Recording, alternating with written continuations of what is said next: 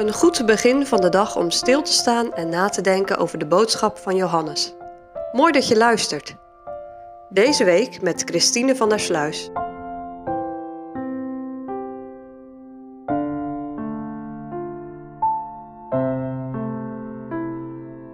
Fijn dat je luistert naar deze podcast. Gisteren hebben we stilgestaan bij het laatste gedeelte van Johannes 4. Jezus genas de doodzieke zoon van de hoveling en deze genezing bracht geloof bij de hoveling en zijn huishouding. Vandaag staan we stil bij de eerste 14 versen van Johannes 5. Ik lees vers 5 tot en met 11.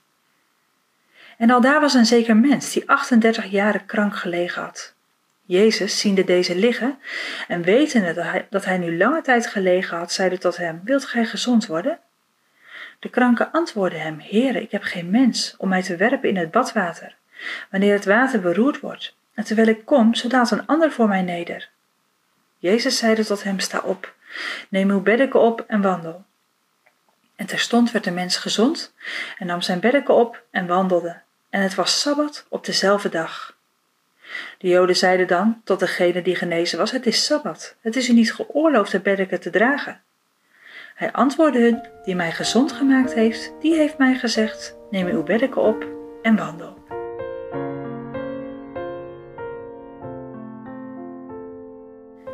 Jezus is dus op weg naar Jeruzalem voor een feest van de Joden.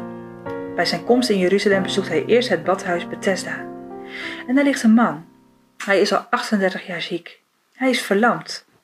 Deze verlamdheid was een gevolg van een bepaalde zonde in het leven van deze man. Wat dat precies geweest is, weten we niet, maar we kunnen dit opmaken uit het vervolg van deze geschiedenis. Hij kan zijn armen en benen niet bewegen. Hoe zullen de afgelopen 38 jaar voor hem geweest zijn? Pijn, verdriet, wanhoop, opstandigheid? Misschien heeft hij het allemaal wel ervaren. Hij ligt daar. Hij wacht tot een engel het badwater in beroering brengt.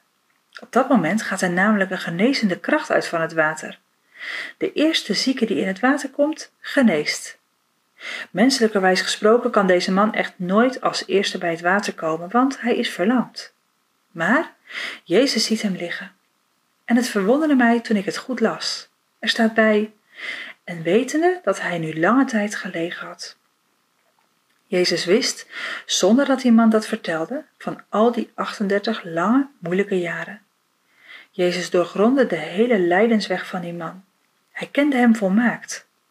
Wat een wonder, ook voor jou en mij. Jezus kent de schuilhoeken van jou en mijn hart. Misschien voel je je soms onbegrepen. Heb je geen woorden om uitdrukking te geven aan je gevoel. Maar hier staat het. Jezus weet het. Hij weet alles van je. Ook als jij geen woorden hebt. Weet Hij hoe jij je voelt en hoe het met je is. Jezus vraagt aan de man: Wil je gezond worden? De verlamde man antwoordt: Heere, ik heb geen mens. En als ik onderweg ben naar dat bewegende water, is altijd iemand me voor. Dat is eenzaam, hè? Als je geen mens hebt die je helpt. Laten wij omzien naar elkaar, naar onze buren, onze familie, vrienden. zodat dat je er voor hen bent wanneer ze het moeilijk hebben. Maar dan spreekt Jezus hem toe: Neem je bed op en wandel. En met wat Jezus het zegt, kan de man het doen. Hij staat op, rolt zijn matrasje op en loopt weg. En dan staat er aan het eind van vers 9: En het was sabbat op dezelfde dag. Oei, daar hebben we het. Daar komen de Joden aan. Want wat die man doet, kan echt niet. De sabbat wordt niet gewerkt en er wordt geen last gedragen.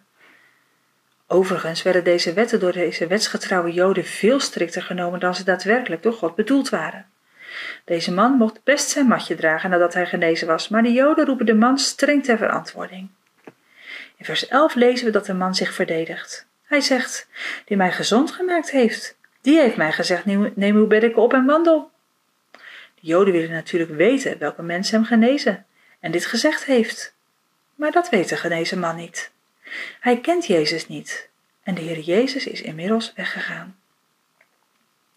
In vers 14 lezen we: Daarna vond Jezus hem in de tempel. We lezen nog, een, we lezen nog over een korte les die de Heer Jezus hem geeft. Hij zegt: Nu ben je gezond geworden. Let erop, zondig niet meer, zodat er niet wat ergers met je gebeuren zal. Na dit gesprek gaat de man terug naar, de Joden en vertelt dat het Jezus was die hem gezond gemaakt had. De Joden worden woedend en gaan in allerijl naar Jezus toe. Daarna richt Johannes de aandacht niet meer op het genezingswonder, maar op het gesprek dat ontstaat tussen de Joden en de Heer Jezus. En dat gesprek hopen wij vanaf morgen ook te gaan lezen en behandelen. Hoe het met de genezen man afgelopen is, of hij tot geloof gekomen is, we weten het niet. En het is eigenlijk ook niet zo belangrijk voor ons. Wat wel heel belangrijk is, is dat je weet hoe het met je eigen hart ervoor staat. Is jouw hart al van Hem?